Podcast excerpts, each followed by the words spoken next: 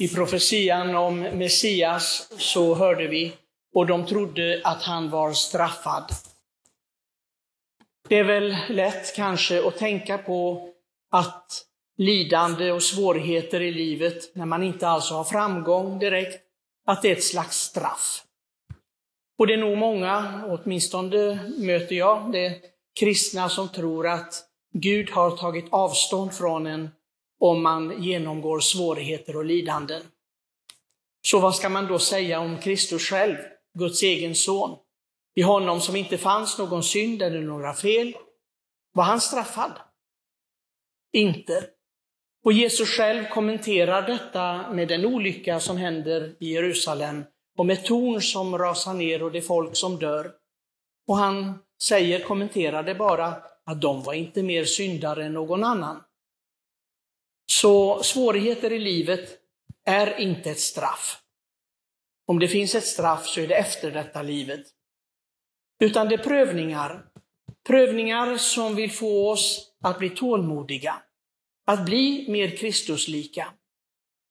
Och där lidandet i Kristus själv är ett ja till Fadern, till Faderns vilja att vara ett offer för människors frälsning. Men vi är ju delaktiga i hans liv. Genom dopet har vi dött med honom, säger vi. Och det kan ju inte vara en skendöd, utan det måste vara en verklig död. En död som vi går igenom hela livet när vi vandrar här på jorden, att dö bort från synden, allt det som skiljer oss från Gud, från fiendskapen från Gud, för att leva det nya livet och också ge liv åt andra på det viset genom vårt vittnesbörd.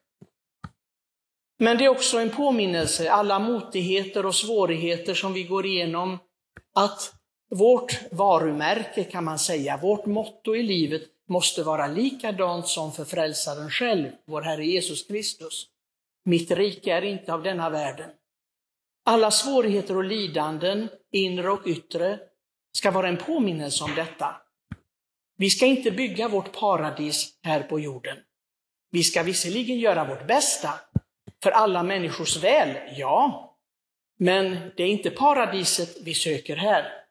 Det är inte himmelriket på jorden, även om vi ibland kanske tycker det, när det går bra för oss, när vi upplever lycka och tillfredsställelse.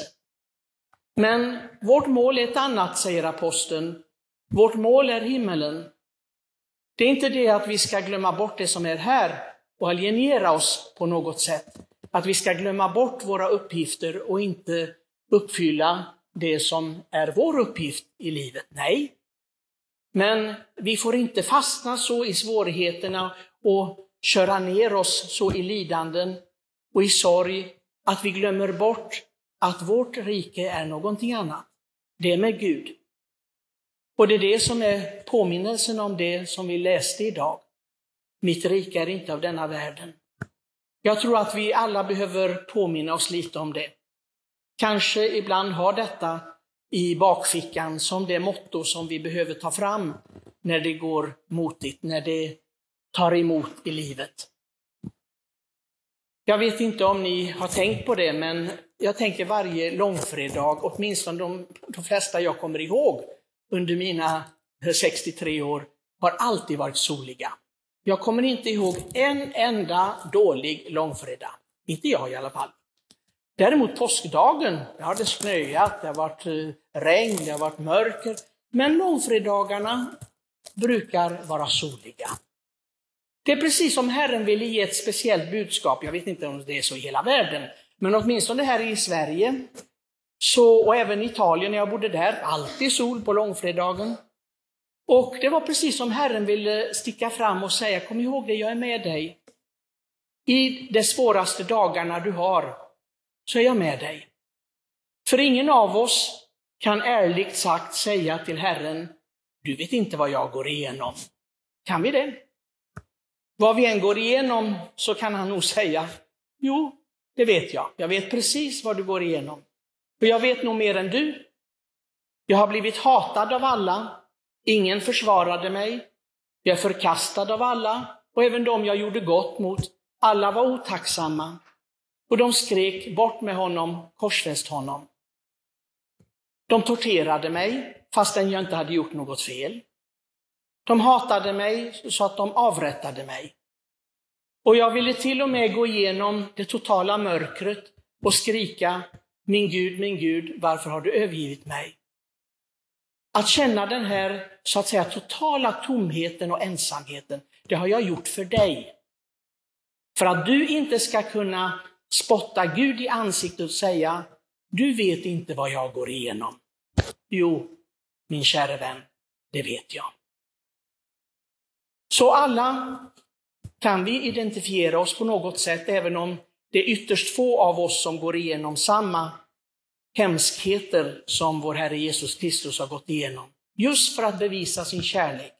Solidariteten med människan är komplett genom denna dagen. Och vi alla kan vända oss till honom i vilken svårighet det än månde vara. Men vi måste ju också lära oss av honom. Precis detta. Fader, i dina händer anbefaller jag min ande. Att vi tänker på att dagligen lite bort från oss själva. Att dagligen vänja oss vid det himmelska riket. Att så att säga välja bort det som inte är Gud. Det är någonting som vi kristna borde vara väldigt duktiga på. Vi har ju Mästaren själv, Jesus Kristus och hans liv att se på. Vi behöver inte fantisera om det. Vi har evangelierna, vi har kyrkans förkunnelse och vi har det heliga mässoffret. Mässoffret där vi ser att Herren bryter sitt liv när prästen bryter brödet. Att bryta det, ja det är den totala döden, den totala utlämningen för världens frälsning. Kära medkristna, när vi ber nu för kyrkan och världen och alla människor, låt oss ta med oss den här förbönen varje dag.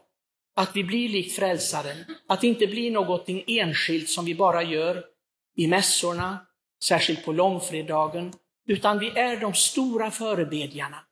Förebedjarna som vet att det finns, så att säga, det himmelska riket, glädjen utan gränser, även om vi vandrar i Tåredalen, som Guds ord säger. I år påminns vi särskilt om detta, med människor som vi vill vara solidariska med, som lider, lider verkligen av helvetets eld. Detta hat som de utsätts för i krig, i ondska. Låt oss verkligen bära varandras bördor genom att be för varandra och offra de lidanden vi går igenom, som oftast inte är så stora. Men vi kan ge dem till Herren och säga, jag vill vara med dig på korset. Jag vill ge dig allt, Herre, för att du må skänka frid och glädje och frälsning åt så många själar som möjligt. Amen.